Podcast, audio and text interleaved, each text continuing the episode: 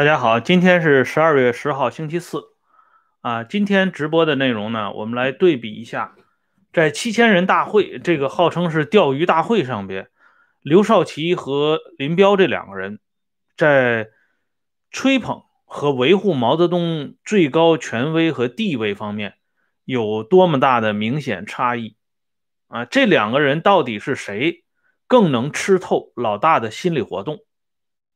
这一点呢，实际上啊，要把这个呃视线一下子推回到一九五九年第一次庐山会议期间啊，从这些例子里边，我们就可以看到为什么林彪在后来迅速崛起，很快啊超过刘少奇，而在这个过程当中，毛泽东对刘少奇他的这种微妙心理的变化，特别值得关注。这实际上也是决定了后来刘少奇个人的命运，以及他们全家人的命运。昨天呢，节目的播出以后，有的朋友对有一件事情提出了一点质疑，就是说周恩来在这个大观园这件事情上，他是请了王文娟啊，请了袁雪芬他们吃饭。有的朋友就说，这个袁雪芬呢？没有出现在越剧电影《红楼梦》当中。我的解释是，袁雪芬在这一次宴请的宴会名单当中。这里呢，还是给大家说一个具体的出处。这是群众出版社、公安部群众出版社编撰的《历史瞬间》第三卷。第三卷当中收录了一篇徐子荣的秘书的邢俊生的回忆录。这个回忆录当中是原话这么说的：总理宗。中午在人民大会堂请越剧表演艺术家袁雪芬、范瑞娟、王文娟等人吃饭，随后要参观大观园。所以这个出处呢，我已经给大家明确的说出来了。如果继续有疑问的话，可以去找一下这本书，进行一下认真的阅读。好了，现在呢，我们来具体说一下关于刘少奇在吹捧毛泽东方面。他做了哪些努力？这里呢，给大家看一本书，这是国防大学教授崇进先生编的一本很有意思的书，叫《曲折发展的岁月》，里边全文收录了1959年9月9号在批判彭德怀的军委扩大会议上，刘少奇的大篇讲话。啊，刘少奇呢，对毛泽东是这样吹捧的。他说：“就是列宁、斯大林的领导，他们的困难，他们发所发生的问题，他们的缺点和错误，所发生的后果，要比我们大得多。我想啊，这里是刘少奇在想啊。他说，毛泽东同志的领导绝不次于马克思、列宁的领领导。假如马克思、列宁生在中国，我想。”他们领导中国革命也不过如此。然后呢，刘少奇又说了这么一句话。本来呢，这篇讲话呢，已经就说的已经很高度了。接下来呢，刘少奇又说了，他说：“对于毛泽东同志这样的领导，应该要满足了，不要再有要求了。有一个时期左一下，有一个时期右一下是必要的。主席说过。”有一个时期就要偏一点，不偏就纠正不过来，但也不是一直偏下去，一直偏下去就不得了。这是正常的领导，正确的领导。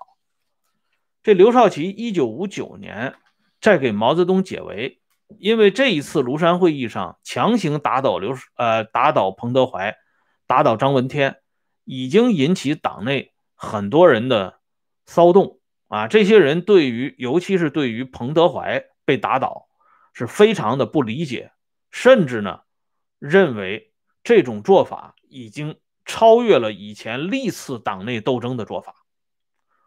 用咱们的话讲，就是出圈了。所以刘少奇这个时候站出来给毛泽东解围，替毛泽东打圆场，啊，应该说在维护毛泽东权威这方面，刘少奇是很卖力气的。然而，就我刚才提到的九月九号的这篇讲话。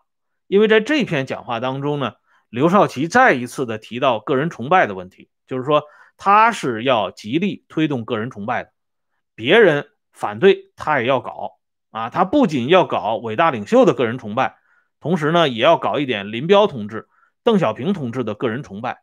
这都是刘少奇当时的讲话内容。九月九号和九月十八号两次讲话前后都贯穿了这个思想。但是刘少奇的这个讲话出来之后，让人觉得特别奇怪的是，本来伟大领袖应该是感到比较欣慰啊，自己亲手选定的这个在延安时期就已经确定了政治地位的接班人。在这样的环境下，对自己进行这样的吹捧，领袖至少应该表示出赞同的意见。然而，毛泽东对这件事情没有表态。啊，更奇怪的是，啊，江青后来替这个伟大领袖做了一个表态。江青说了，说刘少奇居然说伟大领袖。的领导是一左一右的领导，这刘少奇就是开着修正主义的飞机，一左一右的飞向了莫斯科。哎，这是江青后来对刘少奇在一九五九年九月份这篇讲话的全文解读。换句话说，江青没有这么高的理论认识啊，他也不可能说出这么有水平的话，还一左一右飞向莫斯科。这种语言、这种逻辑、这种思想，只能源自于他身后的那个人啊！这个人是谁？我不说，大家也知道。那么咱们讲啊，这刘少奇说这番话，如果跟林彪在七千人大会上的一篇讲话相对比，我们就知道这林彪为什么上升，刘少奇为什么下降了。这林彪的讲话，确实是很高明。一下子抓到了毛泽东的心理活动，就是说他吃透了毛泽东的这个主要的想法啊。比如说这里呢，也是谈到一左一右的问题。林彪是这么谈的：林彪说，感觉到我们同志对许多问题，实际上经常出现三种思想，一种是主席的思想，一种是左的思想，一种是右的思想。当时和事后都证明，主席的思想总是正确的，而我们有些同志不能够很好的体会主席的思想，把问题总是向左边拉或者向右边偏，说是执行了主席的指示，实际上是走了样了。我个人几十年体会到，主席最突出的优点是实际，跟着主席走，永远不会犯错误。林彪的这篇讲话很厉害啊！他的这篇讲话大家应该能听清楚。他说有三种思想：左的思想、右的思想，就像刘少奇讲的，左的向左偏一点，向右偏一点，这两种思想都应该打板子。天底下只有一种思想是最正确的，永远不会偏离轨道，那就是主席的思想。只有跟着主席的思想，把主席的思想贯彻到不走样，我们的革命呢才会永远从一个胜利走向另一个胜利。这就是所谓跟着主席走，永远不会犯错误。林彪的这番解读让毛泽东大喜过望。这林彪的讲话啊，话音落后呢，毛泽东予以积极的回应。当时在七千人大会上发言的有好几个人啊。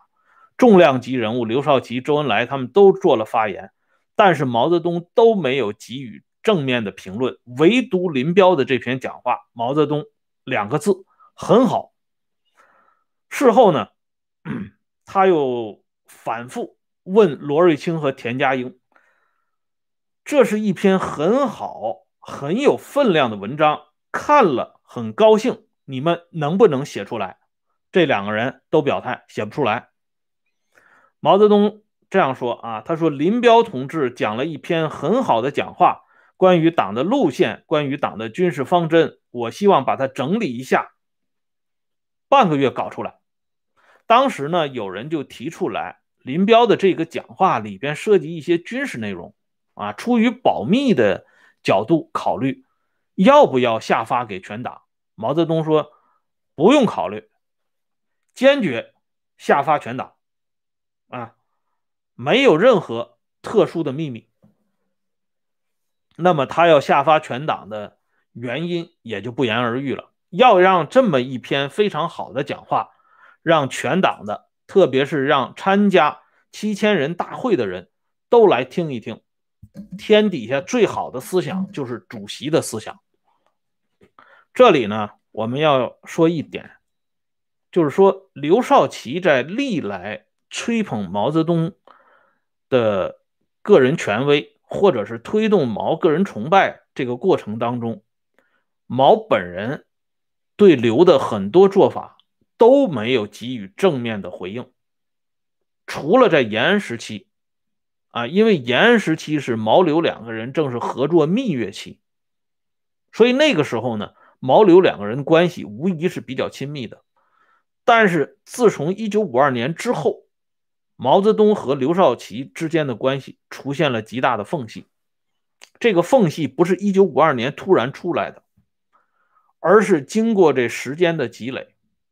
毛应该说不会晚于一九四九年就已经决定。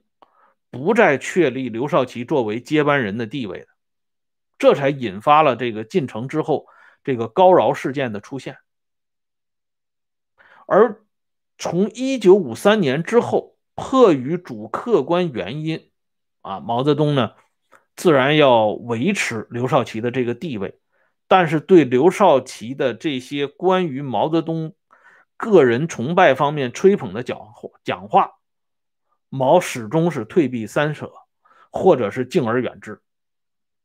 这里边呢，实际上如果回应一下历史上王稼祥、邓拓对毛泽东的最早的吹捧，而毛却视而不见的例子来看，就会更清晰的多。其实早在延安时期，最早提出毛泽东主义或者是毛泽东思想的是王稼祥和邓拓这两个人。但是这两个人的地位呢，没有因此水涨而船高。为什么？因为你们不够资格，你们没有资格来吹捧老大。如果老大被你们这样的人吹捧了，那老大将不复为老大。当时在延安能够有资格吹捧老大的，只有刘少奇。那么斗转星移。到了五十年代、六十年代，特别是在七千人大会之后，能够有资格在党内公开吹捧老大的，并且得到老大回应的，那也就只有林彪。哎，因为林彪从历史上讲就是毛的嫡系，刘少奇、林彪这两个人吹捧毛泽东，啊，应该说已经成为历史。他们两个人对毛的吹捧啊，各有伯仲，这姑且不论。对毛吹捧最厉害的，实际上还应该说，或者是最有特色的，还应该说是邓小平。邓对毛的吹捧，主要是体现在毛的身后。邓对毛的吹捧，用邓自己的话讲，就是有中国特色的社会主义。为什么这么说呢？因为邓小平说了，正确的是毛泽东思想，不正确的不是毛泽东思想。这个话呢，很多人理起来比较绕口啊，觉得费劲。那么咱们换一个通俗的说法，就是凡是夸他邓小平的，那都是毛泽东思想；凡是没夸他邓小平的，都不是毛泽东思想。所以小平同志的那句名言很厉害：党史。一出不宜细，啊，一句话就概括了。所以说来说去，还是这个小平同志的水平最高。那么现在呢，我们回到这个七千人大会这个问题上边来。七千人大会这次大会被称为钓鱼大会，为什么这么讲？这个典故是谁说的呢？就是原来的人民日报的副总编辑叫王若水的这个老先生。他在晚年写过一本回忆录，他在回忆录当中，他追忆1962年1月召开的这次号称提意见、提建议，这次敞开心扉、相互交流的大会，其实是一次钓鱼的大会。这一次大会呢，一开始开宗明义讲得很清楚，三不原则：不打棍子，不扣帽子，不抓辫子。大家呢畅所欲言，对这几年的经济活动出现的重大的失误和错误，谁都可以谈出自己的看法。所以搞了一个七千人大会，就是扩大到县委这一级别。县团级干部都可以参加大会，然而事后证实，这次大会是打棍子的、扣帽子的、抓辫子的大会。伟大领袖通过这一次大会的布局，钓出了很多条大鱼，其中第一条大鱼就是刘少奇，第二条大鱼是彭德怀。然后林林总总，下边还有若干条小鱼儿和小虾米，反正呢是一网打尽。然后对这些人的清算工作，在日后的岁月当中陆续展开。只是这一次大会很有意思的是，调出来的刘少奇、彭德怀、彭真这三个人，当然是难逃厄运，这个不必讲。可是，在这次大会得分最高的林彪也没有逃脱厄运，甚至呢，他不比这刘少奇呢轻松多少啊！从这个后边发展的这个事态来看，林彪似乎比刘少奇还要惨。那么，在这次大会上拼命给伟大领袖扛责任的周恩来啊，在背后呢？讲要维护领袖的权威，他是第一个啊提到要维护领袖的权威，他比林彪提的还要早，他是在二十一人这个会议当中主动提出来这点的，要主动维护主席的权威，不能把这些责任都往主席身上推。然而周恩来的命运，大家后边也看到了啊，哪怕是给自己不断的泼脏水、检讨的周恩来。也没有逃脱厄运。那么最后呢，在大会上唯一一个没有发言的中央领导同志陈云，当时毛泽东让陈云发言，陈云说他没有考虑好，所以呢他还不想讲。即便是没有发言的陈云，在文化大革命当中呢，也是靠边站了。所以这一次大会的钓鱼大会可谓别开生面。咱们先来看一下啊，在这个刘少奇在被调上来这个过程当中，他有哪些表演？一九六七年四月十二号，江青有过一篇著名的讲话。在这个围绕这个讲话过程当中，江青说了一句题外话，他说呢，七千人大会上，主席憋了一口气啊，直到这一次文化大革命。才出了这口气。那毛泽东自己呢，对江青的这个讲话，实际上也有一个回应。因为毛泽东在一九六七年二月，就是江青讲话的头两个月，在会见阿尔巴尼亚客人的时候，他就说了这么一番话。